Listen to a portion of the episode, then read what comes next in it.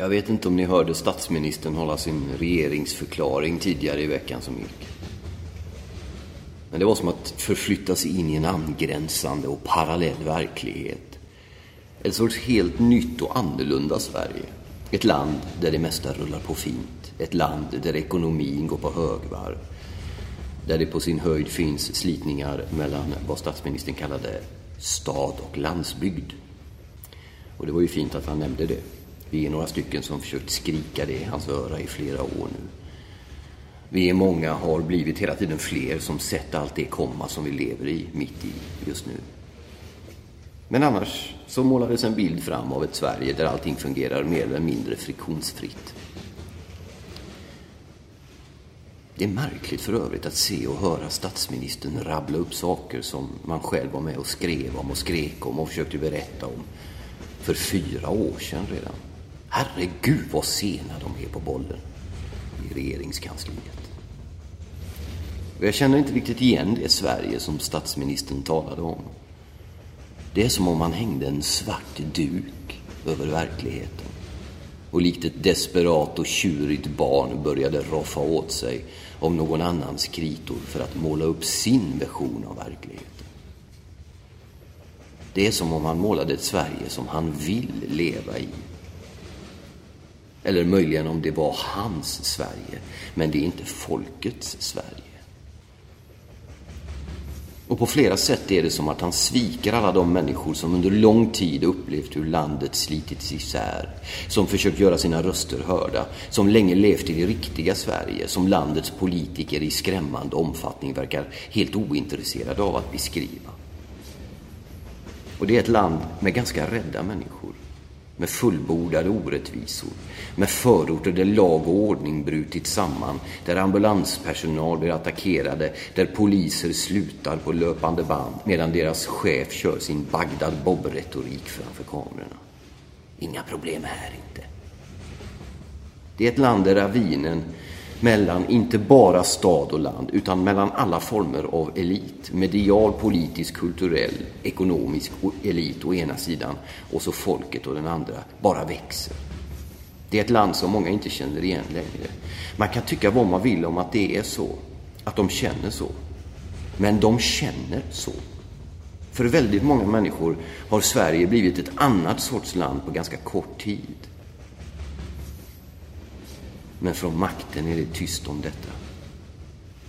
Man tar i de akuta problemen när man måste, men dansar undan den stora bilden. Den övergripande anledningen till varför det blivit som det har blivit. Och alla dessa glapp är gigantiska demokratiska underskott. Det är detta Sverige många människor lever i.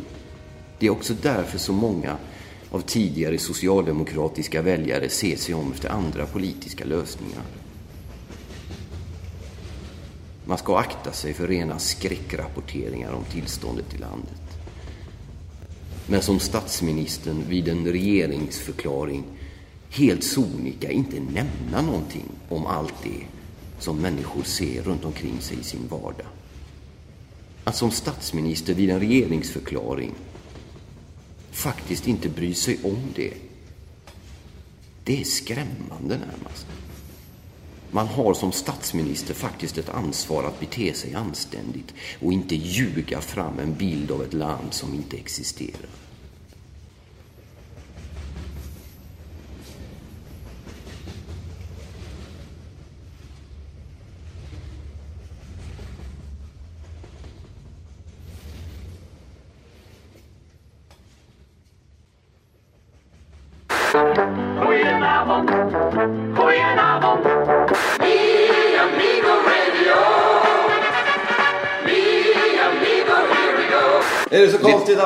Längtar bort någon gång? Just det. Ja.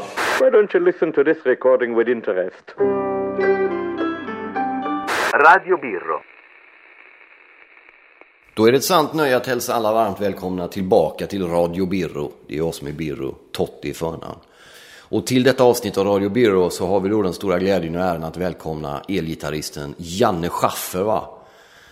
En människa och man och musiker och konstnär som har stått i någon form av svensk offentlighet i nästan 50 år nu. Eh, och i veckan som gick så var han ju dessutom extremt högaktuell eftersom han spelade på riksdagens eh, högtidliga öppnande för hösten. Och dessutom tog några politiska poäng där. Gå in och kolla sociala medier hur han, eh, Eh, hur han la orden och inte bara hur han la tonerna. Det gjorde han bra, Janne Schaffer alltså. Älskar Janne Schaffer. Vi träffades första gången på tåget kommer jag ihåg. Han, ehm, jag hade läst om honom att han alltid läser typ alla dagstidningar varje dag och är extremt allmänbildad och hänger med och så. Så han hejade på mig av någon anledning när jag klev på tåget när jag bodde i Norrköping och skulle till Stockholm. Han kommer från Malmö där. Så stod han i, i kupén där och sa hej och, och presenterade sig och hade lite koll på vad jag hade skrivit och sådär. Vilket gjorde mig fånigt stolt.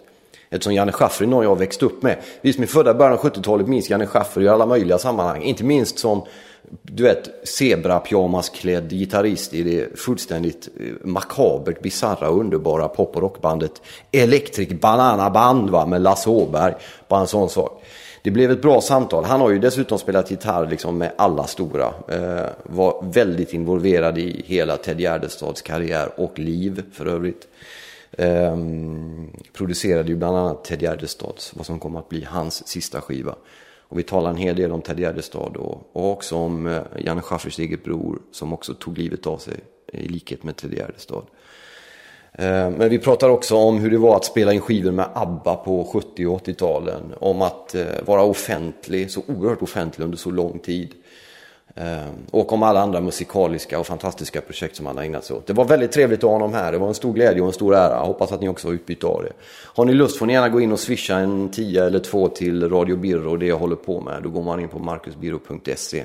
Swisha gärna en slant till Radio Birro. Eh, det uppskattas väldigt, väldigt mycket. Var rädda om er nu i eh, de här sista dagarna av sensommar, tidig underbar höst med hög och fin vacker sol på himlen. Så kommer ösregnet snart och det ser vi fram emot att hänga blöta raggsockor på elementen och lyssna på The Cure. Det är inte det sämsta det. Och så ta det lugnt nu det. Och så har ni inte gjort det så gå in och kolla på YouTube hur Totti kommer in i andra halvlek mot Sampdoria förra helgen och vände den matchen. Gå in och kolla på den då och snacka aldrig om att Totti är slut med. Och lyssna på det här så hörs vi snart. Var rädda om er och Forza Roma. Radio Birro. Hur många gitarrer har du uppsatt på väggen? Inte någon på väggen Nej. utan de ligger nerpackade och någon ligger gömd och sådär. Så att, eh, nej, det, det, men jag kan väl säga att det är mer som ett eh, som en lagringsplats hela hemmet där. Det är mycket Jag- grejer, eller? Ja, mycket grejer. Så, Hur många elgitarrer har du? Det är svårt att säga. Jag har både akustiska och elgitarrer. Men sammanlagt en 20-tal, någonting sånt där. Ja. Jag är ingen samlare. Men däremot har jag gått in för att jag sparar det, kan jag säga. Okej. Alltså jag köper Vad är inte skillnaden mellan spara och samla? Eh, eh, Det är att eh, samla, då åker man runt och så köper, hittar man, gör man ett fynd så köper Ah, man du en menar, grej. så- okej. Ja. Och om du kommer över nu så gör du inte av med dem? Nej, Det det precis. jag Ja. Jag har gjort det en gång. Så Ja. jag köpte en elgitarr och den var en sån här Fender Strata. Och den var ju jättebra. Men så skulle jag då byta, så bytte jag till en Gretsch där på 60-talet. Och Mm. då sålde jag den och jag insåg, jag insåg idag att den där skulle jag behållit. Va. Så att idag skaffar jag något nytt. Du något- byter inte liksom? Nej, jag byter inte. Då, sparar dem. då sparar jag dem så att... eh, Kör du tolvsträngat något? Eh, Det är fint med tolvsträngat. Ja, jag vet. Jo, det, det, en gång i tiden så var det jättehäftigt att man skulle ha det. Men jag, jag tror att jag har en hemma någonstans. Men eh, inte, så idag. Nej. Nej. Jag spelar mest elgitarr idag. Jag, jag anser inte att jag är, är någon akustisk gitarrist. Så där. Jag kan ju spela akustisk gitarr Ja, naturligtvis. jag du kan spelar, ja. Men vi- Jo, men Björn- Jason då, han, han ansåg att jag var en av de han tyckte att jag var kanon på akustisk gitarr, men det sa jag, det är jag inte. Men det är ju det att jag spelar på, el, på akustisk gitarr som jag spelar på elgitarr. Alltså jag spelar, har samma takt när jag spelar på akustisk. Och det gör att det låter, en som har utbildat sig på, på akustisk gitarr, spelar akustisk gitarr, spelar inte på samma sätt som jag gör. Utan jag spelar som det vore en elgitarr så att säga. Det är det som är skillnaden. Men finns det någon som är bättre i världen rent tekniskt och på andra sätt? Men vi kan börja med det tekniska än vad du är på elgitarr. Ja, det finns många. Men, men när blev du bäst i Sverige på det? men för det är ju det, ja, men om man snackar med Ja. folk åtminstone, jag är ju född tidigt 70-tal. Ja. Och, och vi som är i den här åldern, även lägre och lite äldre. Det, Ja. det, utan att du själv har sagt det och utan att kanske någon annan liksom har liksom skrivit en affisch om det. Så blev det ändå så. Du är bäst på elgitarr i Sverige. Ja, ja, det, alltså det finns så många som är bra. Däremot kanske jag är väl den, en av de som är mest känd. Det kan jag ju säga. Det kan jag gå med på att jag är kanske den som på elgitarr. Men bäst vet du, det är så otroligt eh, subjektiv värdering så det kan man inte liksom säga. Det, det finns, säger om, om någon säger det så finns det, ja men du Lasse Jonsson där borta han är skitmycket bättre än Schaffer alltså. Ja, Så det finns alltid någon. Men det säger folk på, liksom, du vet, i bastun på fyllan. Ja. Men du är bäst, det kan vi slå fast nu då om det är subjektivt. Då, då kan vi säga så. Ja, det, det, får, det får stå för dig. Ja, jag, jag gör så gott jag kan varje gång. Och jag tycker det är vansinnigt roligt fortfarande. Fortfarande? Ja, ja, det är det som är grejen. Men jag tänkte på det när jag- kul att spela. Det är det som är När, när jag tänkte på det och planerade lite inför det här mötet då. Mm. Så tänkte jag på, eh, och både läst om och, och så. Men jag får lite så här Björn Borg-vibbar av dig eftersom du är så bra. Satt du, du vet, han stod ju i Södertälje med sin garagebok. Ja. Hur mycket är talang och hur mycket är träning det här när du växte upp? Du du måste ju träna nu med. Men Ja, jag I början det. tänkte jag, hur mycket, hur när upptäckte du att du hade talang för det? Eh, jag, när jag byggde första gitarren. Och, och fick Byggde hålla den själv? Jag byggde en gitarr i, i träslöjden, ja visst. 1957. Vad- hur var- Men hur kom det intresset? Var det, att, by- var det att få ha någonting att spela på eller var det själva byggandet som var intressant? Det var byggandet, det var träslöjden var intressant. Det var mer intressant än att, när jag så såg jag då, jag hade gjort massvis med grejer. Örhängen till min mamma och jag gjorde massvis, stod och gjorde bord, ett bord har jag gjort till och med och sådär var i träslöjden. Alltså, då var jag 10-11 bast liksom. När jag byggde gitarren var jag 12 år. Och eh, det var alltså, eh, träslöjdsläraren hade en akustisk gitarr hängande på, i sitt lärarrum som var precis in till vårt lektionssal. Så jag bara frågade om kan jag inte få bygga en sån där. Alltså, jag, man ville gå- göra värre och värre grejer liksom. Sådär, visst. Och han var ju väldigt tveksam till att jag skulle fixa det. Men jag var fruktansvärt envis. Jag tror du har samma envishet. Ja, jag alltså, när man det. känner, alltså när man vet- verkligen bestämmer sig för någonting. Då ska, det här ska jag göra. Och Det ska bli av. sitter- Ja, och det sitter kvar hos mig fortfarande. Alla, nästan allting jag gör. Har jag väl bestämt mig, för det är inte säkert att jag... Jag kan ju också säga att nej, det här blir ingenting och så, så, så lämnar man det. Men har jag bestämt mig för att det här ska jag genomföra, då gör jag det. Och eh, så jag var envis och byggde. Det tog ett år och jag gjorde fel och fick göra om från början och sådär. Men, och det gick att lira på. Så bara kände att det här är ju det här är ju kanon, det här är mitt instrument. Mina föräldrar spelade ju då. Alltså, så jag växte upp med klassisk musik. Min mamma var pianolärarinna och pappa spelade fiol och sådär. Eh, och sen fick jag, sen efter en mamma gått bort så fick jag ju reda på att hon gjorde en del solokonserter. Det har- sa hon aldrig till mig så här. Varför inte det? Eh, jag vet faktiskt inte riktigt. Eh, Jag hittade alltså, när jag skrev min bok så hittade vi en klipp där man spelar med Hans Leigraf som är en fantastisk pianist. De gjorde sån där dubbelkonsert ihop. Det har han aldrig berättat. Men jag tror att eh, nerverna svek. Att stå en, sitta ensam ute och spela pianokonsert, va? det är nog... Det, det kräver ett psyke utav dess like. Va? Ja, det finns mycket fel man kan göra. Eller Ja, alltså du vet, ja, alltså du vet, och så är det väldigt ensamt. Och jag kan väl säga själv att jag kan ju spela själv. Idag så kan jag liksom ställa mig om jag ska spela själv. Men jag tycker det är roligast att spela ihop med någon eller med ett helt band. Det är ju liksom det som är det maximala. det Att man har någon att bolla med och man hör lyssna in varandra. Men om Janne Schaffer kommer med ett band, hur många kollar på de andra? De är ju bara ute efter att kolla dig och din tungslagning. Ja. Är det inte så? Nej, jag är ganska... Jag har ju ett band idag som jag är väldigt stolt över därför att de är så otroligt skickliga. Det, det är fantastiskt att spela ihop med dem och sen så gör vi ju... Jag har ju två karriärer. Va? Dels, som, minst. dels, dels som solist, va? som soloplattor då. Och dels som studiomusiker. Ja. Eh, ett tag så, så visste jag inte riktigt vilka jag skulle satsa på. När, när Jason och jag då på 70-talet bildade vår grupp Hörselmat. Då, då körde vi bara våra instrument. Det är nästan lite punk... eh, Det, men det, det, det det är inte vi som kom, alltså den som kom på namnet är Janne Forsell. Jan- Kjell Arlinge och Janne Forsell. Ah, han döpte oss. Va? Just det. Ja, men då, då, det faller så att det, det, det var han som tyckte att vi skulle heta det. Både mitt namn och Jasons namn var ju mer känt än själva gruppnamnet. Va? Så att det, vi fick ju alltid skriva, ja men Hörselmått är ingen jävel som vet vilka det är. liksom. Så det stod alltid våra namn uppräknade under då. va. Och så var det Ola Brunkert och Stefan Brolund och sen var det väl, Janne var med från början då, men han gav upp efter Hörselturnén. För han, han, han ville vara med på turnén.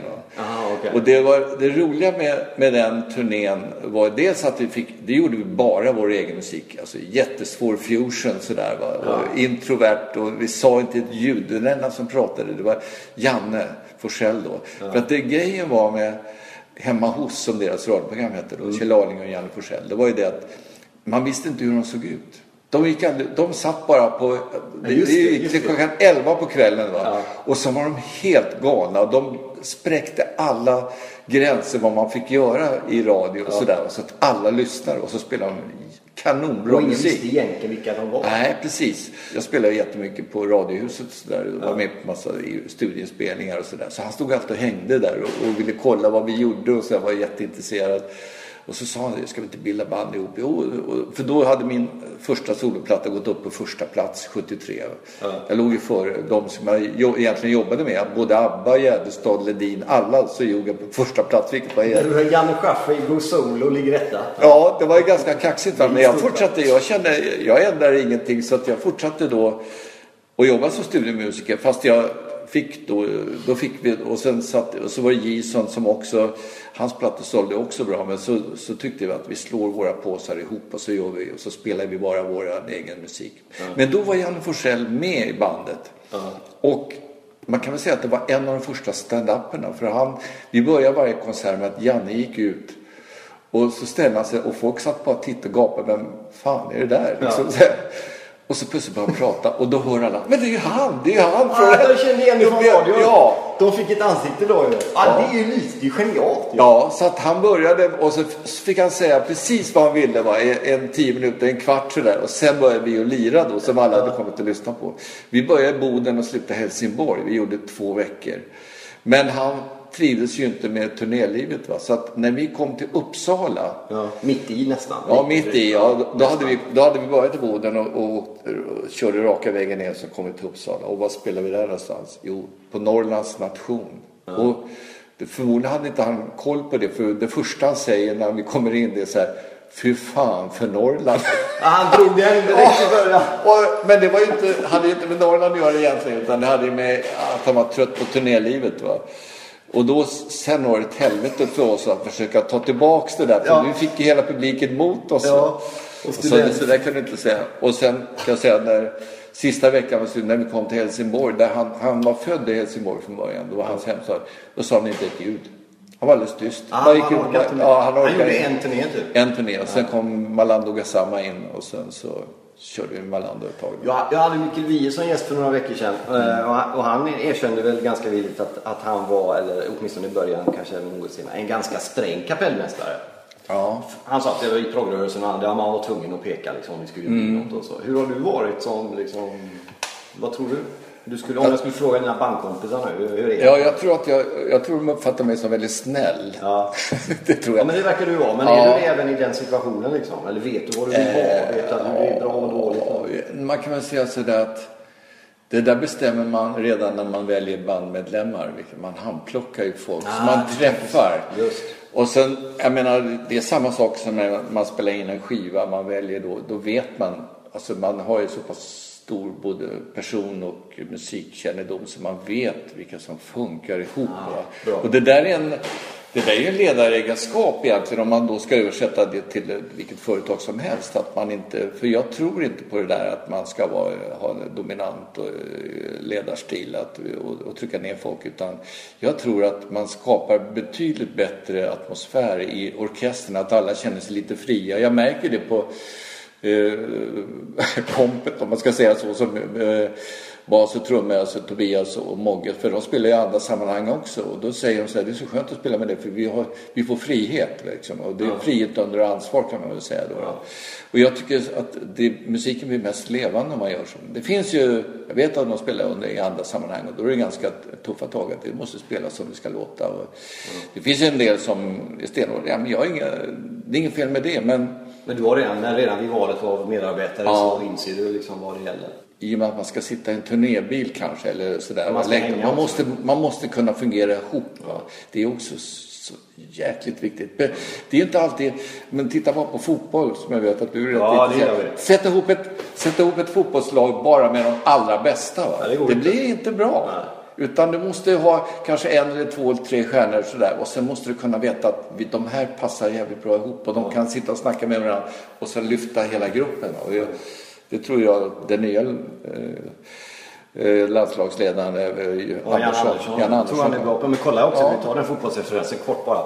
Men han spelade som Leo Messi, Zlatan Ibrahimovic, eh, Ronaldo vunnit Ja. EM förvisso, men ingen av dem har vunnit VM. Medan spelare som Gennaro Gattuso har vunnit VM, som knappt kan spela fotboll, liksom, vann Italien för tio år sedan. Så det, det är som du säger, att bygga ett, ett lag liksom. Men en annan grej som är så skön med dig genom åren och så, som jag tycker är så kul att ha följt, det är att du verkar liksom helt orädd att blanda stilar. Du kan köra liksom kyrkokonserter med, med konsertmusik eller man ska säga fina sällskap. Och sen kan du klä dig i någon sån här leoparddräkt och spela det är så, men du verkar vara fullständigt ointresserad av vad, liksom det här, du vet, nutida åtminstone ängsliga. Är det där rätt eller vad kommer folk Ja, tycka om det, men det, jag har nog lite koll på det ändå i bakhuvudet sådär va. Alltså jag vet ju det att en del tycker att det där eh, elektrobananvärlden är något typ av skoj sådär. Men det i, i botten ligger ett stort allvar. Eh, och vi dessutom, eftersom jag jobbar ju väldigt tajt ihop då med Lasse Åberg på den här grejen. Och eftersom han skriver texterna och jag skriver låtarna. Så är det ju att vi vill hålla en kvalitet och vi vill ha ett budskap. Och vi tror att det st- viktigaste budskapet idag för framtiden för kommande generationer är miljön. Sen kan vi lämna egentligen allt det andra runt omkring. Det, det är saker som vi får reda ut med med eh, integration och allt möjligt sånt där som naturligtvis måste ta tid. Men vi sitter i samma båt allihopa för miljön har vi inte... Det där är ju frågor som kommer och går också. Miljön är ju något som pågår och pågår. Det har pågått länge och jag startade upp den, eh, det intresset började för mig 1966 när jag skrev studentuppsatsen om Rachel Carsons Tyst spår. Som jag grep mig direkt. Jag blev väldigt engagerad för jag insåg att det här är, det här är verklighet, det här är inget skoj, det här är inget skämt. Men jag kommer ihåg då också att det fanns ju mi- miljödebattörer på tv. Va? Och ing, de togs aldrig på allvar. De sa, det där, vad fan, snacka inte om det där, vet du, det där löser sig kemiskt, det är inget problem. Så det, är bara, det är bara att hälla ut. Och man, det fanns inga renare, avgasrenare, ingenting. Alltså, skorstenen bara sprutade ut gifter ut i luften. Och, och det var, man odlade med växt... Ja, just det. Man hade bokstavskombinationer man fällde från plan. ja, fanns ingen som brydde sig om detta. Och, vilket det var, och vi var ju då några stycken som var väldigt miljöengagerade. Jag vi träffas ibland våra, just, mina studentkamrater och jag. Det, var- det var inte bara jag som skrev om, om Rachel Carsons Tyst vår. Som var den första miljöboken då. Eh, vi har gjort en låt som heter så också. Eh, men eh, det är alltså... Men det finns ett engagemang i botten med liksom. Ja, och det, det har vi fört över till Electric Banana Band fast vi gör det på ett lätt, lättsamt sätt. Men det, det, det känns fortfarande, vi har varit ute nu nio gig i sommar va? och det känns som att de lyssnar inte riktigt på texterna sådär. Va? Att det, för det, lyssnar man igenom på eh, batterilåten så här, du samlar in batterier och så här. Och, Men det kanske sipprar in ändå. Ja, alltså det märk, det, tack och lov så märker vi att i, i den yngre generationen, där, där fäster det. De, är, de inser Mm. Men vi vuxna, vi, vi, vi vill bara... Vi tycker jag skojigt, ballongkontakt och sådär och piraya maya sådär. Men Vi minns våra barn och Ja, och, och sen så har jag då på Håll Himalaya rent som jag också bygger på eh, att, att man, vi har sett bilder från Himalaya, vet, alla bergsbeklättrarna, bergsbestigarna, lämnar de, de, ja visst, och då, till och med finns det massvis med människor som ligger kvar. De får inte ner dem, alltså, och ändå ska de upp. Och sen, som Lasse skriver, sen skriver de en bok och blir stålar.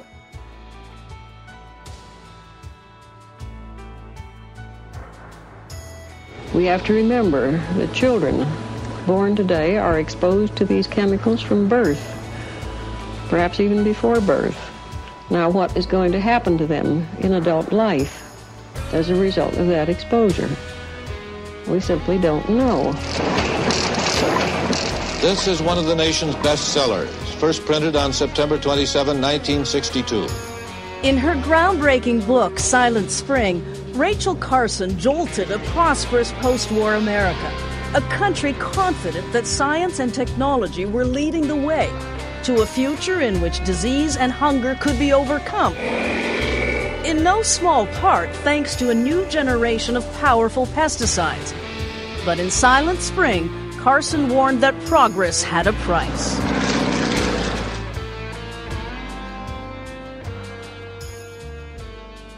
Du är ju liksom, och har varit under eh, 40 år, drygt. Eller 50, ja 40 i alla fall. offentlig eller känd. Då.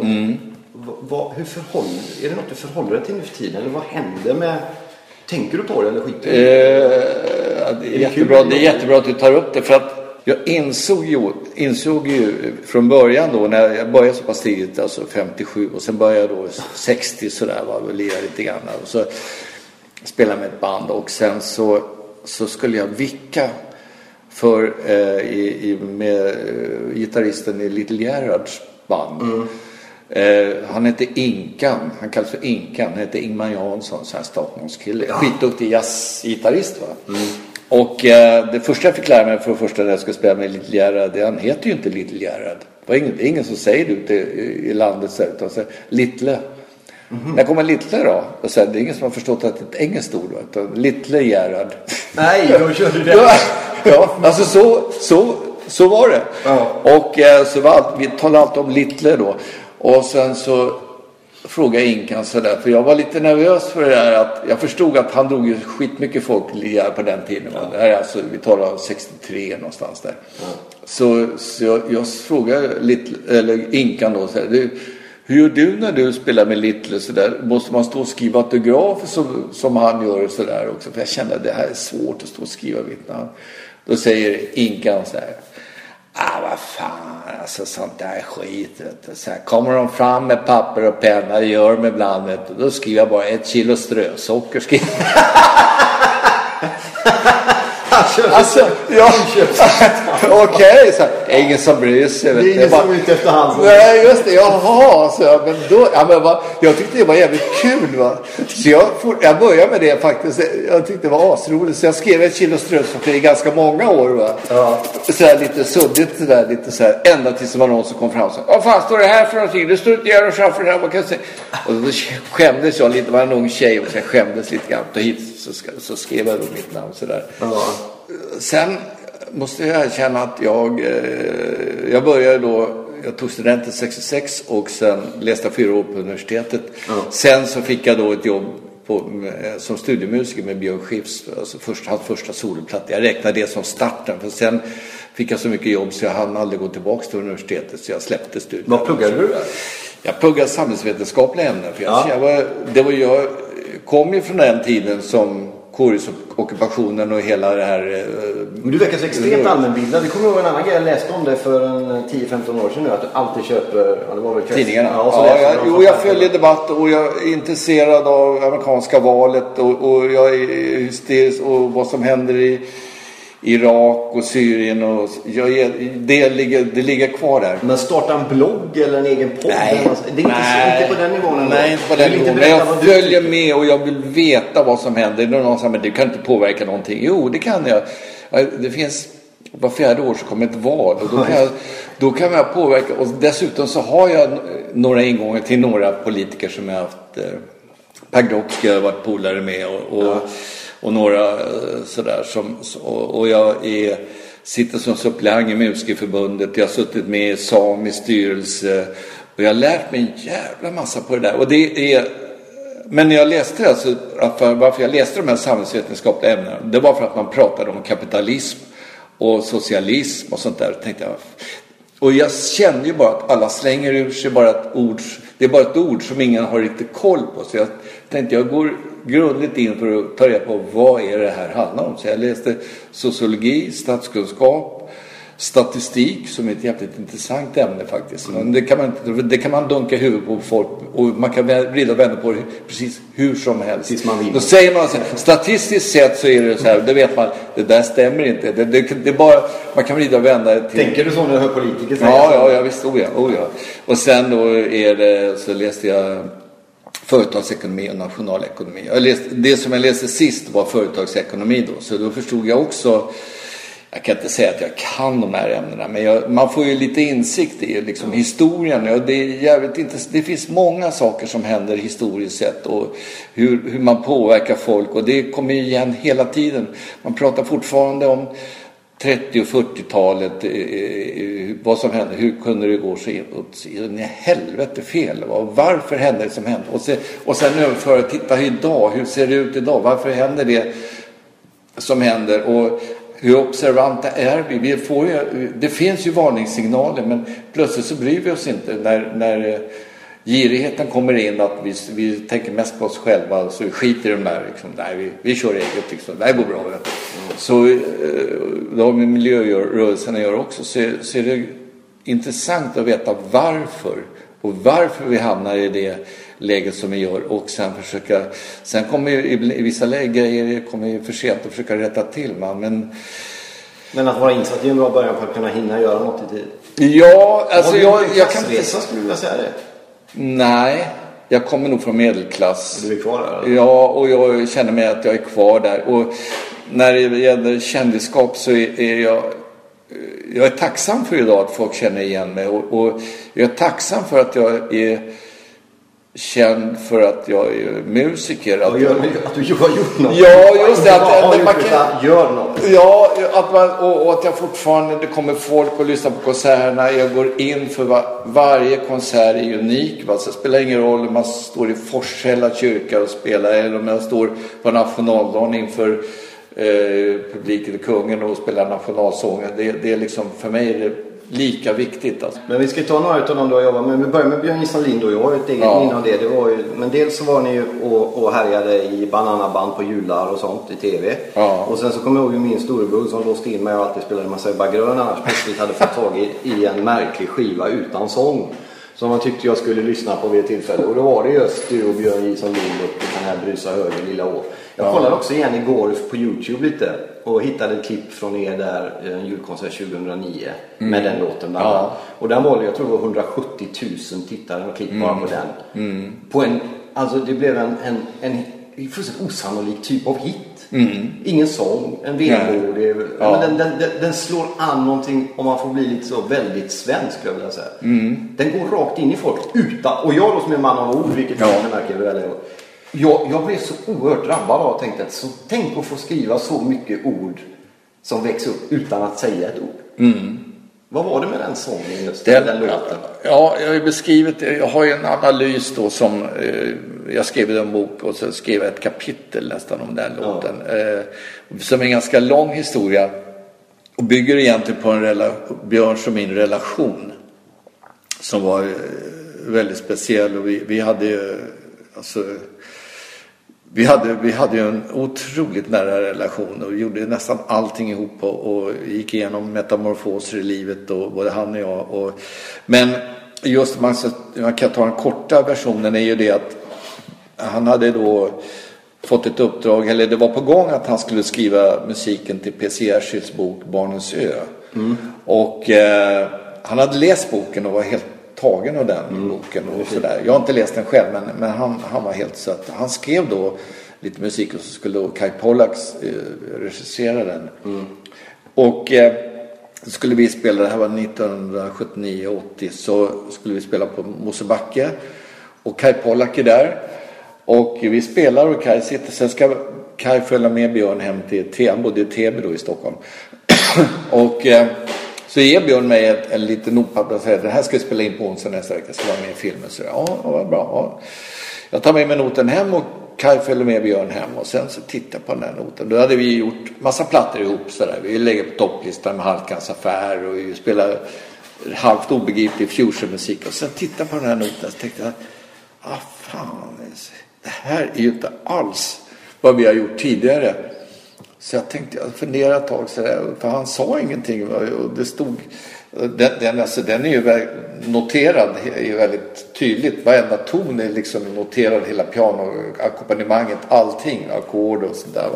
Så jag ringde upp honom och så, Björn så sa du, eh, och tjena, hur är läget? Ja, det är bra. Ja, så där, eh, och, hur gick det med Kaj förresten? Så här, Nej, jag ska inte skriva musiken till Barnens jag. Ska du inte? Nej, ska jag inte göra. Det blev inget. Nej, jag sa nej, vi, vi kom inte överens. Eh, han sa aldrig varför. Men, han, men det var bara liksom, det var inget, nej jag ska inte göra. Men den här låten då, som du skrev, ja den ska vi spela in så du. Jaha, men hur, hur har du tänkt att jag ska spela då? Ah, jag tänkte du skulle spela melodin så du. Så här, "Ja, hur ska jag spela den då? Jag tänkte du skulle räkna ut det själv. Han lämnade Okej, ja vilket jävla förtroende. Okej. Och det första jag gör då det är att jag sätter mig och så lär jag mig spela igenom den. Och sen, det, den är, är ju inte svår att lyssna på men den ligger lite trickig på gitarr. Va? Så att, eh, och så känner jag så här. Och i den oktaven har han lagt en, en oktav ner mot vad jag spelar. Så jag känner fan, det, det klingar inget bra här. Så hörde jag, råkade höra en, en Santana-låt på radio. Så tänkte jag, och så lyssnade jag, fan, det låter, han har bra ljud. Så titt, kände jag att han spelar en oktav upp. Så jag flyttade upp hela melodistämman en oktav, för det gick att spela på den gitarren jag hade då. Och i den gitarren jag har idag också. Så att jag flyttade upp den och sen kom vi till studion som hette Metronom och hette Atlantis idag. Och det är jag, det är Björn, det är Stefan Brolund och det är Per Lindvall. Och det är två tagningar, sen är det klart.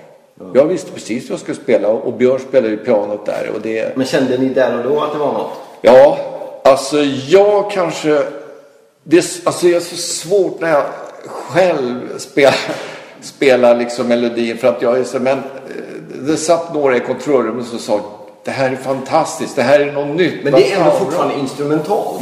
Jag menar, det det krävs en del, en del kraft för att en sån låt ska gå och slå som den här Ja. Även om ni som sitter där kan tänka att det här är ju bra. Men att folk skulle snappa upp det. och sen, och sen är det så här, men det fanns en annan. För det första så spelar man instrumentalmusik på radion, vilket är en stor skillnad. Det gör man inte idag. Vilket jag är jävligt förvånad över att man inte gör. Att man diskriminerar instrumentalmusik. För det borde man Jag menar, det är inte, jag förstår att man inte bara... Att, att, Det finns kanske, men eh, en eller två instrumentallåtar per timme skulle man kunna kosta, på sig. Det gjorde man då.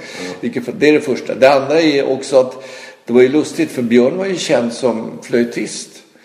Men han, lysande pianist och hans pianospel bakom är ju så fantastiskt. Och man, alltså det är inte så, alltså jag brukar ju spela den här låten då, rätt ofta kan jag säga, nästan varenda konsert. Ja. Och då, då ser man vilken, pianisterna det är, ju- det är ju inte så himla, de måste ju titta igenom den där noten. Och han, men Björn var en fantastisk pianist. Alltså. Det är ju det som, och hans pianospel. Och, så, och sen då när det kom ut och började, så la han på stråkar efteråt och skrev det stråkarret. Och sen, men sen då när den började spelas på radio så eh, trodde ju alla att Björn Sörlind med Brus Högerlilla och då trodde alla att han spelade gitarr. Va? Det var liksom inte, man förstod inte att det var jag som spelade. Nej, okej.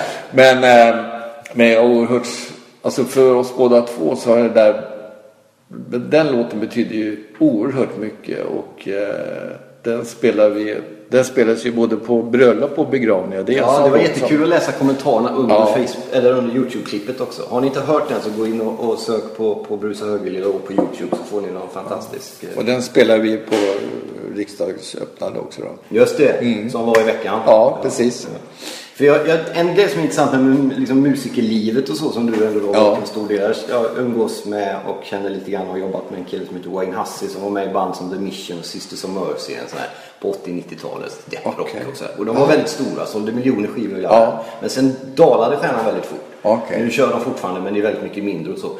Det, alltså den är ju en väldigt, eh, det är en känslig bransch minst sagt. Ja. Alltså det går fort upp och det kan gå fort ner. Men du var liksom konstant. Legat på en rätt hög nivå hela tiden. Eller? Ja. Eller i alla fall utifrån. Ja, Hur ser du själv på den grejen? ja. För du har gjort så mycket. Men Björn Nilsson Lindgren, du har jobbat med ABBA, du har jobbat med stora artister, Cornelis och så naturligtvis det Ja. som vi ska komma in på kanske nu då med Ted Gärdestad och Ja. som jag antar är hela familjen Gärdestad egentligen när det gäller Ja, hans musik. jo, det är det. det är, och, och inte minst nu, för nu kommer det, nu ska de i England återge, återutge tre av mina gamla plattor och en av de plattorna, där spelar killarna i Toto. Just det. Som, jag spelade in i, i Los Angeles, i Hollywood då 1977. Du lånade dem till din skiva ska vi säga. Ja. Det var den ordningen. De var studiomusiker på min Ja, platta fattar. och jag visste inte vilka det var. Jag, jag, jag fick välja själv då. Eh, vilka, eh, och det, det var en fantastisk producent som hette Bruce Botnick som hade jobbat med The Doors. Oj, som jag faktiskt såg i Konserthuset en gång på 60-talet. Det var ju fantastiskt att ha sett. Det är många band som jag har sett i verkligheten också. Band som så. Ja, men i alla fall så, och jag visste inte vilka, vilka det var bara att jag hörde ett eh, speciellt trumspelet då, en platta som jag hade hemma. Så Just det, han blev ju känd här. Ja, och sen då så precis då där vi var där så hade de ju startat upp gruppen Toto då. Så, men det var ju också, vi, det, det gick, vi fann ju varandra direkt va. Och det var Jesper Karin som jag valde först. Trumset så bjöd vi in en basist och det sa Vet du någon? Så ja, ja, ta brorsan Mike, det är bra. Och sen slagverket, ja, ta ju farsan, vet du, Joe. Han spelade med Frank Sinatra och alla och sen så kom Steve in och på en låt och sen stod han och dirigerade Gibsons stråkar då som det är stråkar på några låtar också sådär. Så att det, ja, det, var, ju- det var en, men det var ju bara en slump, tillfällighet liksom sådär. va. Men i vilket fall som helst så, så den plattan kommer ut nu i England nästa eh, 2 januari, vilket är jävligt kul. Det är ju häftigt. Jag kör ju med två karriärer. Alltså dels då att spela instrumentalmusik som är min egen eh, Eh, min, min egen musik är ju instrumentalmusik fast jag skriver alla låtar till Electric Banana Band som jag tycker är vansinnigt kul. Och Lasses texter är så intelligenta och underfundiga, finurliga. Sen så eh, har jag då en, en, jag kör fram med hela min grupp. Då blandar jag. Dels så kör jag min, mina gamla progglåtar men så kör jag också lite grann från de här jag är ju jäkligt stolt att jag har fått vara med på sådana klassiker som ABBA, massvis med ABBA-låtar och, och, och Ted Gärdestad som jag ligger med varmt om hjärtat. Och ibland så lyfter jag också fram, när jag hinner, när det finns tid, Barbro Hörberg som jag det. aldrig lärde känna men jag var med på hennes två sista plattor och det, det var ju också magiskt. Det ska vi säga till alla ungdomar som lyssnar om ni gör detta. Miss, gå in och kolla Barbro Hörberg. Och Ja. Jag tycker jag har försvunnit lite. Jag vet i musikerkretsar och så, så blir, de lyssnar mycket på Barbro Hörberg. Det Men- kommer två böcker nu om Barbro Hörberg och hennes liv. Men det, eh, och, och de ringer till mig men, och jag kände aldrig henne. Jag, alltså jag, jag var bara, jag satt bara i studion men jag hörde hennes magi. Va? Det, det var, och så känner jag också att det var en av de Alltså jag spelar med många sångerskor och sådär. Och Monica Törnell är ju också en annan som jag... Men, eh, men eh, Eh, så det, det fanns någonting i hennes musik och hennes röst och hennes närvaro som var väldigt speciellt. Det hade varit kul att lära känna henne, men jag gjorde aldrig det. Jag, så att jag, det, det är väldigt begränsad information jag kan komma. Ja, nej, bara det finns bara att det, det var en fantastisk... Man kan börja med en låt som heter Med ögonkänsla för grönt till Ja, exempel. precis. Som man kan börja med och sen kan man jobba så vidare där. Men sen jobbar du ju med ABBA också. Ja. Vi pratade om det när vi träffades någon gång där. Men det var på skivorna va? Eller var På skivorna, nej, Ja, aldrig, ja. du ville inte, följde du inte med? Blev du sur för det? Eller? Nej, nej, nej. Ja, det var... Nej då, så... Varför tog de in en annan när de skulle turnera? Nej, men det var, så här var det att, att eh, hela ABBA-historien började egentligen med Ted Gärdestad. Därför att, eh, ja, eller egentligen började långt innan om man ska ta den. Det, det, alltså, Stickan Andersson hade ju då startat ett svenskt skiv, skivbolag som heter Polar ihop med en kompis som heter Bengt Bernhag. De, var, de var två stycken. Och eh, jag var med på massa inspelningar för Polar. Anders Fugelstad, en, en med sån där miljötrubadur. Just det. Eh, och sen, eh, ja, och sen så var jag med på Lena Andersson. Det är konstigt att man längtar bort någon gång. Som vi klämde in på, det är klassiker. ja, vi klämde in på två dagar, en lördag och söndag. För då hon var ledig från plugget då. Liksom var jag på Meteoronstudion. Eh, Bengt Bernhag som producerade den. Och sen så Är det så konstigt att man längtar bort någon gång. Just det. Ja. Sen var jag med på en platta med Charlie Norman som, som Stickan spelade in. Med, och Charlie var ju fantastisk. Det var, ju, det var också en sån här skiva som var jävligt kul att spela in. För Charlie var så lätt och så spelade nu tar vi den här låten. Så var, det fick man lite noter. Och det var lite, han, skapade, han var mästare på att skapa bra stämning i studion och sådär. Så att det, var, det var bara kul att spela in. Det var aldrig så här, du spelar du fel eller kan du inte om det? Utan klart att spela fel. Det kanske man går in och kan trycka in den här tonen så blir det. Men eh, vilket fall som helst. Och sen då så så hade då eh, Björn och Benny var ju anställda som producenter hos Stickan och eh, Benny eh, finns med på en platta med Gugge Drenius storband. Alltså, okej. För han producerade, det var så frågan vad, vad gör Benny Andersson med Gugge Drenius? Ja, han producerade den plattan. Jag är med på också då. Jag spelade med Gugge ett tag. Men då så, så hade de hittat en ung kille som, eh, som jag, jag fick, de ringde till mig. Jag kom upp till Jungfrugatan och så fick jag lyssna. Där satt Ted och sjöng live. Och så frågade mig vad jag tycker. jag. Det här är så otroligt bra. Så att, ja, ja, visst, vad- får du vara med och spela in? Ja. Så bokade vi upp Metronomstudion. Lompockabergsvägen ligger kvar där fast den heter Atlantis numera. Och eh, så var det behöver en trummis och där spelade jag med Ola Brunkert. Du vet, med Ola och sen basister, Mike Watson. Och sen är Björn och Benny och sen är jag då och spelar gitarr och, och Ted. Och så gjorde vi hela Teds första platta 71. Eh, jag ska nämna bara vad som finns på den plattan. Det var ju alltså Jag vill ha en egen måne, Helena och är den låten som har blivit en TV4, eh, TV4-program Så mycket bättre. Just den, det. den producerade vi och vänner, spelade vi in där och hade Tidlös. skitkul. Ja.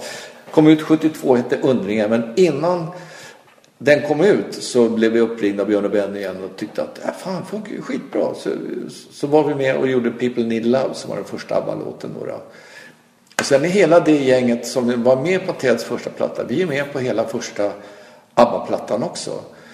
Eh, med Ring Ring och sådär. Och eh, en, en låt som, det enda, det finns ju en låt som Björn och Benny inte har skrivit som är, finns under namnet ABBA. Vet du vilken låt? är? Desillusion heter den. Gjorde Och det? är Agneta Fältskog. Hon körde den själv. Ja, hon skrev den och hon sjunger. Och den är alltså det är en svinbra låt. Körde de den live sen? Nej, det tror De- jag. jag vet inte. Jag vet inte. Men de körde. Men det var en enda låt som hon bidrog med och den, den spelade jag på. Och, och det finns ju alltså. Jag har ju kvar gamla alltså noteringar från eh, från den tiden. Vilka inspelningar jag satt och vilka, hur mycket man fick betalt för. Man, jag höll noga reda på. Jag hade nämligen lirat med Gunnar Wiklund som torskade på skattesmällar. Så jag var väldigt noga med att betala in skatt så man inte fick en massa restskatt. Jag fick alltid restskatt. Ja, Cornelis hade pengarna i en påse. Ja, det, ja, det, var, ja det, där är en sida jag kan berätta om. Men i vilket fall som helst så, så hamnade vi där eh, i studio och jag var med på jag satt ju med Melodifestivalorkestern både 71 och 72 och 73 och spelade Ring Ring. Och då Ted Gärdestad var med och tävlade med Åh vilken härlig dag. Just det. Eh, Men 73 gjorde jag också då min första soloplatta som gick rakt på första platsen där. Det var ju så här på den tiden också att vi musiker, vi, det var väldigt demokratiska inspelningar. För man satt har du någon idé om den här grejen? Eller något intro till sånt där? Så satt, det är väl en del riff och fills och lite grejer som, som jag har kommit på då. Och, och, och Rutger ibland och sådär. Och inte minst på Waterloo då, som är så där jag kom på det här. Då, då hade de ju, alltså Benny gjorde ju hela eh, Ring Ring eh, arvet kan man säga. Det, det är väl lite. Sen en, Man skulle alltid ha riff vet du, som gick under så, så, som band ihop hela refrängen. Och sen hade de då gjort en Waterloo som går i D. Va? Och sen, ingen som kan komma på någonting. Det skulle vara så ball att ha ett riff som band ihop hela refrängen sådär. Va? Vi satt och prövade oss fram och så plötsligt så kände jag, då hade jag spelat in min första platta och då på en låt där så har jag stämt ner låga E-strängen till D. Så jag sa, kan vi inte testa det här? Och så, så, och så känner jag, du, du, du, du, du, bom, bom, bom, bom. Ja. Och så stäm, stäm ner du också Rutger. Så, så han stämde ner till det då. Så, så spelade vi. Ja men det här, det här funkar väl. Då, då köpte de den idén. Ja det här är skitbra. Ja. Alltså låten, det fanns inga texter. Så att det, det, det var bara... Eh, vi lekte fram det. Alltså det. Alla de här stora hitsen har ju alltså improviserats fram. När började du fatta att det var, att det var stort? Och liksom, eller det här är bra, det här är nytt. Jag tyckte, jag tyckte alltid det var bra. Och framförallt att man fick vara med och bidra med lite, lite eh, idéer, så här, musikaliska idéer. Det var ju oerhört kreativt. Jag tyckte det var kul. Jag är ju liksom den typen av... Det som inom reklambranschen finns det någonting som heter kreatör. Va? Det är någon som kommer med idéer, de kreativa, så är det någon som f- kanske fullföljer det och sådär. Men jag hade ju lite små idéer. Lite Men strålkastarljuset sen då hamnade ju då... just om jag ska bara gå tillbaka till varför inte jag är med live. Det, sen 74 åkte jag på en turné i USA med en amerikansk sångare som heter Sean Phillips. Ja. I, I två månader ungefär. va. 42 jobb på 47 dagar. Det var en resa utan dess. Där fick jag se allt. Ja.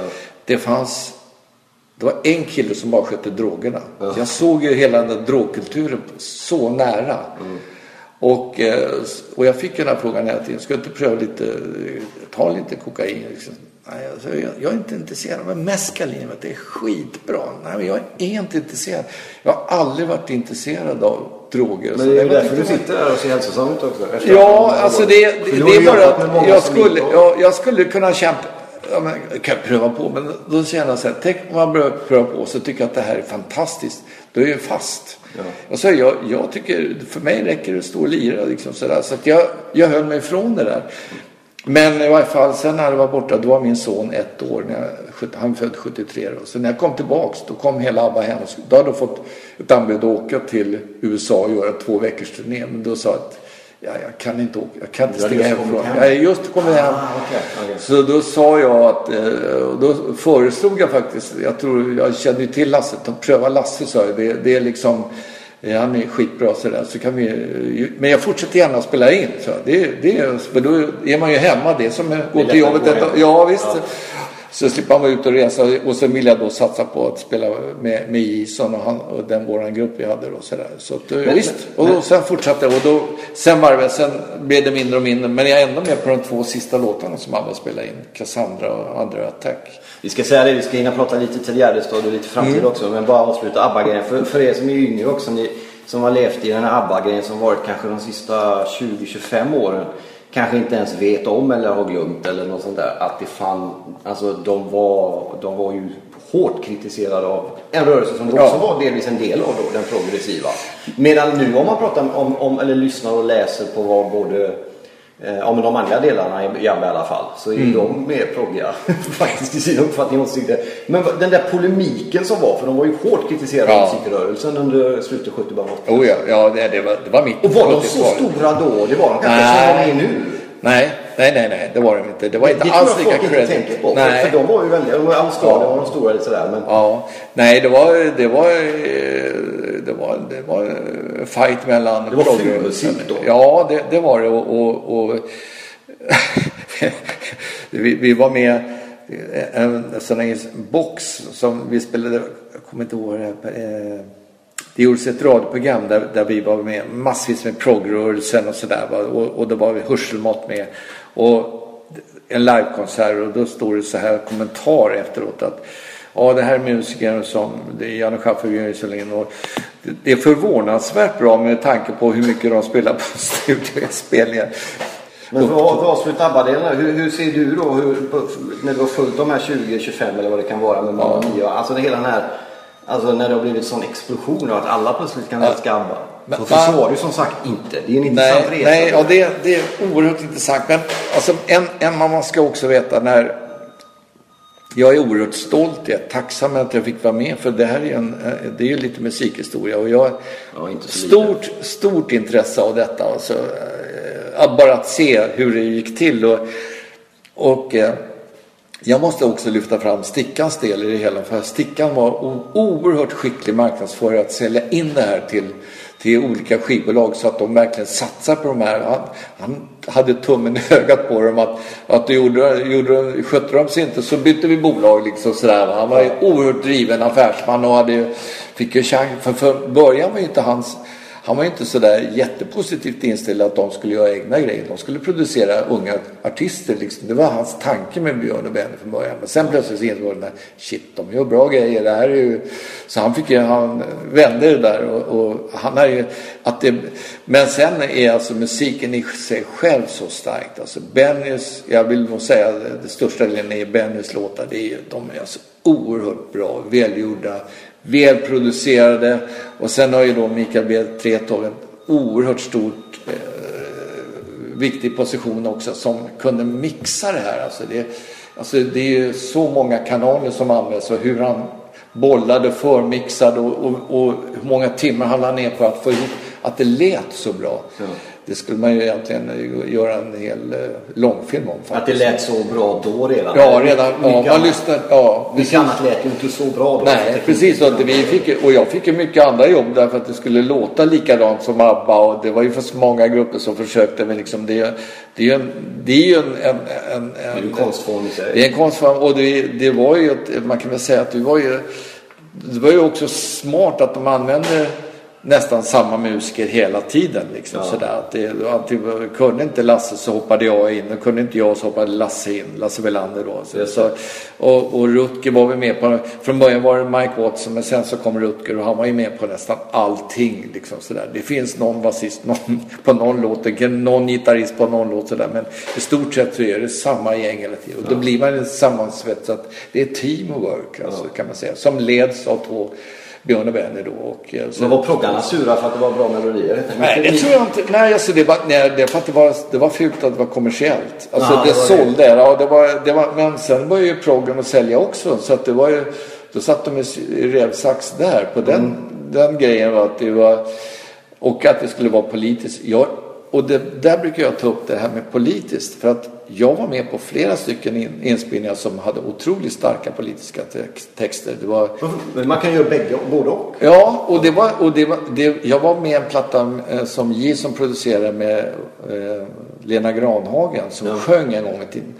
Eh, eh, å ena sidan är Theodorakis och å andra sidan är Wolf Biermann. Och Wolf Biermann, jag tror inte många som vet, men han lever, han lever fortfarande i Tyskland och bodde i gamla Östtyskland. Och var väl, man kan säga Förenklat så var han Tysklands eh, Cornelis Vreeswijk. som Ja, jag kan man säga. Eh, och han, han var så fascinerad av den, platt, den plattan, även fast hon sjöng på svenska då. Så han kom hit och bjöd, var med på våra, han bjöd, han bjöd in oss på sin konsert och sen fick vi åka ner och fira hans 50-årsdag i Köln. Ja. Lena och jag och Ison. Och sen gjorde vi en platta med eh, jag gjorde en platta med och Pierre Ström som heter Första maj. Och sen så gjorde jag också, eh, när Cornelis gjorde Victor Jara-plattan som är en av de absolut bästa plattor jag var med på också. Det. Och så han, han översatte, han, ju- översatte ju alltså eh, eh, Jara och eh, den plattan är oerhört stark. Och, och då kommer jag ihåg att det kommer fram en journalist från Aftonbladet och såg jag så Du Cornelis, är det, är det en politisk skiva det här? Nej, nej, nej, nej, det är inte ett dugg politiskt. det hörde jag när han sa det. Så här, nej, nej, så det är ingen fara. Vi har bara översatt Victor Jara men det är- det är inte speciellt politiskt. Ja, det roligt. Vi måste ju också komma in då på, på, eh, på Gärdestad. Mm. Hur, eh, om man då delar upp den i två delar. Hur stort inflytande har, har han och de då? För han jobbar ju tätt med sin bror och även de andra i familjen och har haft på dig som person. Men också hur, liksom, hur ser du på hans musikaliska inverkan på svensk populärmusik? Ja, Det är ju två delar liksom. Ja, det är ju det. det, det alltså, när han kom in då som 15-åring och eh, som ett yrväder kan man verkligen säga med oerhörd utstrålning, glädje, självförtroende och det hör man ju på de första låtarna, första plattan och den andra plattan vi gjorde också, Sol, vind och vatten och sådär. Fast jag blir ju nästan rörd när jag hör den texten där, när han inte vet, inte vet vad, han pratar om sin framtid där och han sjunger om det så känner man shit alltså det här är ju eh, och vi, alltså, det finns en låt som heter Universum som jag inte är med och spelar in men som han skrev som är oerhört ska jag säga moget för att vara en jag tror han var 16 eller 17 år då. Det är alltså man känner Han var ju herregud. kan vi säga. Ja, fast han... Eller? Ja, Eller är det fel beteckning tycker du? Alltså det var en alltså, oerhört musikaliskt begåvad och det var samma där att vi satt ju också, jag hjälpte honom ganska mycket där med, med både från första starten fram till och med den sista skivan som vi eh, spelade in. Jag producerade den sista Äntligen på väg då, 94. En del artister man spelar in med, eh, går man till jobbet och man spelar in och så var jättekul och säga Lasse Berghagen har spelat in och Ja. Eh, den där, han tog av sig sina skor. Den är jag med och ler på också. Ja. Men, men han fick aldrig riktigt den där närkontakten med, på det sättet. Men med Ted och jag, vi, vi fann ju varandra. Så vi hängde ute på Victoria och, och Café Opera och allt vad det var för någonting. Jag har, en sån här, jag har många historier med honom. Men jag, jag kommer ihåg att jag var blodgivare på den tiden. Ja. Och så, så och där det började med redan i plugget så där. Och jag tyckte det var bra. Dels att man gjorde nytta och så fick man en koll, hälsokontroll då. Att man var frisk och sådär. Så sa någon vid- någon gång när jag lämnade blod, sa det. Finns det ingen mer kompis inom artistvärlden? skulle vara bra. Vi behöver lite namn sådär så att vi kan, för att vi behöver blod hela Locka tiden. folk lite, ja. Locka folk, ja. Och vem ringer då? Jo, jag ringer till Ted. Ja, har du lust att hänga med och lämna blod? Så för de behöver lite... Ja, visst, sa Ted. Det är inga konstigheter med det. Nej. Så han hängde ju med då och låg och tömde blod där och, och den kontakten hade vi. Ja. Det var ju så, det var ju samma med ABBA och Ted. Det fanns inga texter när vi spelade in. Det fanns någon rad kanske eller någonting. Och jag, om jag ska då analysera efter, i efterhand Ted så tror jag att han eller och vi ihop då som spelade, vi, vi prövade oss fram på många låtar även, och det gjorde ju ABBA också. Men när Ted gjorde det så prövade han sig fram och hittade en stäm. Det här, men så här ska det vara. Så här, och, och bestämde sig för att så här ska det vara och den här idén är jättebra. Och sen så tror han, när, han hade ju, när låten var klar, han hade ju melodin oerhört klart för sig. Alltså melodistämman var ju så oerhört viktig. Att, eh, för jag, jag för, försökte ibland, ja, men du kan inte förenkla det här ackordet lite. Nej men då stämmer det, är inte, inget snyggt till melodin som ska ligga så här. Du har rätt, så då liksom. Det har, det, så då ändrar man så att det ibland är det inte rena treklanger, durklanger eller mollklanger utan det, är liksom, det ligger lite klusterackord. Så sa jag det att, eh, och sen så tror jag att han bestämde sig för att den här låten ska hamna om det. Den här låten ska handla om det. Kan, kan du skriva någonting som det ska vara det och det. Så tror jag att det gick till. Och hans så- bror skrev texten. Då skrev eh, Kenneth texten och jag hörde vid något tillfälle så hörde jag när, när Ted skrek. Jag fattar ju själv, så här kan jag ju för fan inte sjunga. Det, det går inte. Det här får du byta ut. Den där ton. Och så fick jag, jag tror att, eh, det har jag också hört Kenneth säga att eh, de jobbade ihop där med, med texterna så att det blev sångbart liksom och att det fanns ett innehåll. Och det, Men utifrån hade man ju extremt mycket utifrån. Alltså som, Ja. som, som lyssnade då och då bara och så här. Och även då läst. Man, man, har ju följt hans resa ju och så. I efterhand om inte annat. Mm. eh, Som utanför. Men att det fanns eh, mörkare texter. Jag skulle tänka att där skulle man kanske ha haft en, en mörkare text. Eller det är bara jag det finns, det, det, då ska du lyssna in den sista plattan. Ja det är sant. Där Ja, finns där finns det så mycket. Och universum. Men det fanns Ja, ingen sån konflikt menar jag. Det var ingen att han, han ville inte, han var med ändå på texten och Ja, ja, det han var med.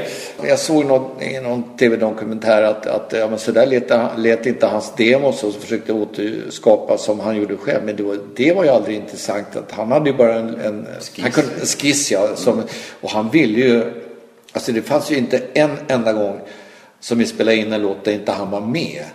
Alltså han var ju oerhört noggrann med hur, hur låten skulle framför gestaltas och då även, om, och då kunde man ju också vara med och komma med idéer och sådär. Han var ju öppen för det. Var ju därför vi funkar så bra ihop. Han kunde ju, ja men det, nej, men det där var, kan du inte göra om det, hitta. Jag- Alltså jag har ett, ett annat minne också när vi hade spelat in en låt som inte jag riktigt kommer ihåg vilken det var. Eh, jag kommer bara ihåg situationen att eh, vi hade spelat in och jag tror det var J som var med och det var sådär jättebra bakgrund tyckte jag. Så jag säger till nej, det är inte rätt. Det här är fel, det är inte bra. Så, och jag förstod inte för att det, jag tyckte det lät kanonbra. Nej, så här, vi ska göra om. Ja, men vi gör något. Vi måste hitta på något annat, något mer intressant. Och då kom jag med det här, radikala förslaget. Vad tror du om Gugge Denius storband då? Ja! Skitbra! Det var det ja, som ja, ja, det ska vara Gugge Ja, ja, visst. Ja. Och sen då så kommer då hela Gugge Idréns storband vi spelar in på Metronom. Då får Ted blindtarmen. Så han, blindtarmen, så han kunde inte vara med i studion. Men bara för att han skulle vara nära, då, han ville ju ändå höra. Så han låg alltså på sjukhuset och lyssnade i telefon. Sådär, va? Ja, vad tror du? Och så var ringde upp honom, vad tror du om det här? Ja men det låter bra. Det, jag, tycker, jag tycker det låter bra det där. Ja, visst, ja. Så jag tyckte också då, sa vi ja det är väl bra. Så skickade vi hem en orkester. Tre dagar senare kom han till studion och så får han lyssna på det. Nej det här, så här kan det inte vara. Det lät annorlunda. Det var, så det, var inga, nej, det, var inga, det var inga billiga inspelningar kan jag säga. Så att, eh, och sen då, så jag för mig att han spelade om det på, på sin eh, amerikanska platta där. Och eh, jag för mig vid ett tillfälle liksom sen han, och det var stor orkester och allting. Så vid en tillfälle sa nej, så, här, så där ska det inte vara. Bort med allting och bara piano kvar ensam. Och så. Så där han hade in. mer kontroll kanske än vad man utifrån kanske Absolut. trodde. Och, och det måste jag säga, även om vi ska flytta framtiden då till sista plattan som jag efter många om och men ställde upp och producerade. Vilket då hade jag en lång, långa diskussioner med honom. För jag kände egentligen, av flera skäl, dels så tyckte det, det är väldigt eh, energikrävande att, att producera. Och sen visst känner jag också att han är inte alls i samma form som han var när vi jobbade ihop aktivt i början av 70 80-talet. Eh, Den här gjordes 94 då, så efter många, det var, det var faktiskt en annan producent som hade börjat men hoppade av och kände att det här funkar inte. Och sen så kände jag okej, så, så hade jag långa diskussioner med Ted. Men han var ändå närvarande vet du, hela den skivan. Alltså när vi gjorde bakgrunderna och då träffade jag bröderna Rångedal som körade. Helt fantastiskt. Och han var med varenda sekund. Han satt med mörka solglasögon längst bak i studion. Och, och, och jag hade faktiskt tagit rådgjort med en, en kille, en läkare då för att jag visste inte hur jag skulle hantera det här riktigt. Men den fick väldigt bra tips liksom att även om han verkar frånvarande så räkna med att han är där varenda millimeter över. Och så var det verkligen. Han var så jäkla... Och så, det, så det kan det inte vara jag nu. Så här. Och allt funkade ända fram till vi skulle göra sångpåläggen. Vilket var... Han, alltså det... det han skulle, vi försökte, du, jag kommer inte ihåg vilken låt det var, men alltså det gick inte, det gick inte att ha det. Alltså han kunde inte sjunga. Alltså han, hela, han spände sig så här och, och vi försökte släcka ner, tända ljus och så här, men det gick inte. Och så, han hade inte sagt så himla mycket va, men sen efter då, vi, hade, så vi, vi kände, jag hade eh, tagit in, jobbat med en en ljudtekniker som heter Leffe Allansson som säkert eh, kommer ihåg det här i detalj. Så satte sig Ted ner och sa nu ska jag berätta hur jag mår. Och så satt han i en halvtimme, 40 minuter och berättade bara så här ingående. Jag måste säga att jag, jag har ju mått dåligt i vissa lägen i mitt liv men jag har inte varit i närheten. Alltså, det var ju något fruktansvärt. Han beskrev hur han såg på omgivningen, hur svart allting var, hur in i helvete det liksom sådär, man känner shit liksom. Så vi, då la vi ner och sen, men sen så fortsatte jag efter ett tag och så spelade vi in plattan hemma hos honom. Mm. Så fick jag ett annat system då som vi spelade in med och, eh, och där, det var ju liksom när man hör vissa låtar från sista plattan så är det ju liksom det förebådar ju det som ska komma sen. Så att det, ja, det var ju oerhört, eh, jag blev alldeles tagen av det när jag berättar om det också. Men, och när jag, jag ser ju, det rullar som en film framför mig när jag ser framför mig hur det var. Och, eh, Cornelis dog 87 och vi spelade på hans begravning och så spelade 97 dog Ted och då spelade jag på hans begravning också. Cornelis begravning gick på tv men inte Teds. Eh, sen jobbade jag då i 12 år med eh, att försöka lyfta fram hans musik med, med hjälp av stipendium. Mm, det har du lyckats med. Ja. Är det en kamp att liksom eh, utkristallisera den musikaliska biten av Ted Gärdestad och inte bara det här Alltså hans livshistoria på slutet. Och så. Alltså det, det var ju, I och med att man kommer nära människan så får man, får man ett annan förståelse för musiken och att det, hur det hänger ihop med med eh, familj och alltihopa. Så det är ju inte bara att man sitter där och spelar in låtar. Och sen har man, men det är en, det är en det är en komplicerad situation. Du har ju förlorat det många av de här, eller många, men en del. Ja. Björn Nilsson Lind, en ganska nyligen Ted, som ja. har säkert andra också då såklart, ja. som du har jobbat med och haft som vänner och så. Mm. Uh, hur har du det med VM? Det är en fråga jag ställt Hur har du med ditt VM-ord? Jo, det, jag får den frågan ibland. Och det var någon som, nu har jag tappat hans namn, han som skrev en bok när han försökte ta sitt, som precis just nu har kommit ut. Han som jobbar på Expressen tror jag som uh, det är alltså 1500 pers per år. Jag tror det är den vanligaste dödsorsaken bland män mellan 18 och 30. Ja. Och eh, där drabbades även min bror av också, som jag skrivit om i min bok också. Ja. Och eh, så att det här är ju någonting som eh, eh det är vad ska jag säga, folk... Men det måste ligga dig väldigt nära? Ja, det, det finns ju någon sån här, vad ska jag säga, det, det är en... Eh, är det farligt att ha det nära eller är det tvärtom? Alltså det är en... Eh, man kan sätt? säga att man kan, eftersom jag då både min bror och, och Ted så är det ju det att det tar väldigt mycket energi. Mm. När det gäller min bror så kämpade jag i ett halvår på att när jag insåg hur allvarligt det var. För jag insåg ju det här på nära håll då. Mm. Eh, kanske jag ska köra hela den. Det finns, jag har beskrivit det rätt så nära ingående i, boken. Rekommenderar varmt. Ja. Och, eh, men hur det, jag tänkte jag skulle dela med mig av hur det är att vara nära närstående till folk som har psykiska problem. Och det går en, börjar en tv-serie nu om, mm. om just den grejen. Med Sanna Lundell va? Och, och... Ja, precis. Och jag såg att det var eh, sångaren i Takida har mm. kommer med i första programmet. En som jag kommer Som jag också träffade Jonas Ljungberg som jag har kontakt med som vars bror Mikael Ljungberg. Just det, brottaren. brottaren. Eh, jag känner inte honom men jag stöttar den organisationen som Jonas har dragit igång. Eh, och det är en eh, Det här är ju någonting det talas så lite om. Ja, det, det är någon slags förbjudet ämne och det, det, man kan säga så här att om, man- om du ändå frågar mig vad, hur, hur man tar sig igenom. Det kan jag säga att hade inte jag haft musiken, att kunna gå in. Man kan säga att det inte använd, används inte som en, ter, eh, som en flykt men som en terapi. Att spela och att plötsligt samla tankarna. Alltså musik för mig är oerhört mycket att, att eh, lämna ut och känna in. Och det där, alltså jag kan ju säga att både att spela Teds låtar och spela Jasons låtar nu när de inte finns längre är oerhört speciellt. Och jag, då försöker jag känna att deras närvaro är på något sätt, alltså att om, om Ted har stått bredvid eller Björn har stått bredvid så skulle de gilla det vi gör. Va? Att, att det inte misstolkat och jag känner dem så väl båda två att jag vet vad de skulle ha gillat och inte gillat. Liksom.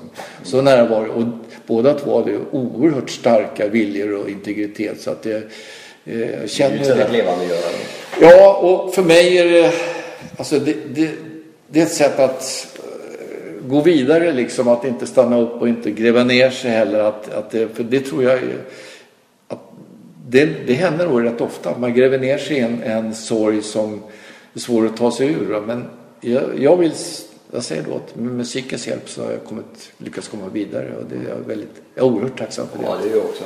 Att du gör. Stort tack för att du tog dig tid att ställa upp i det här också. Ja, tack så hemskt mycket. Tack så mycket. Tack, tack.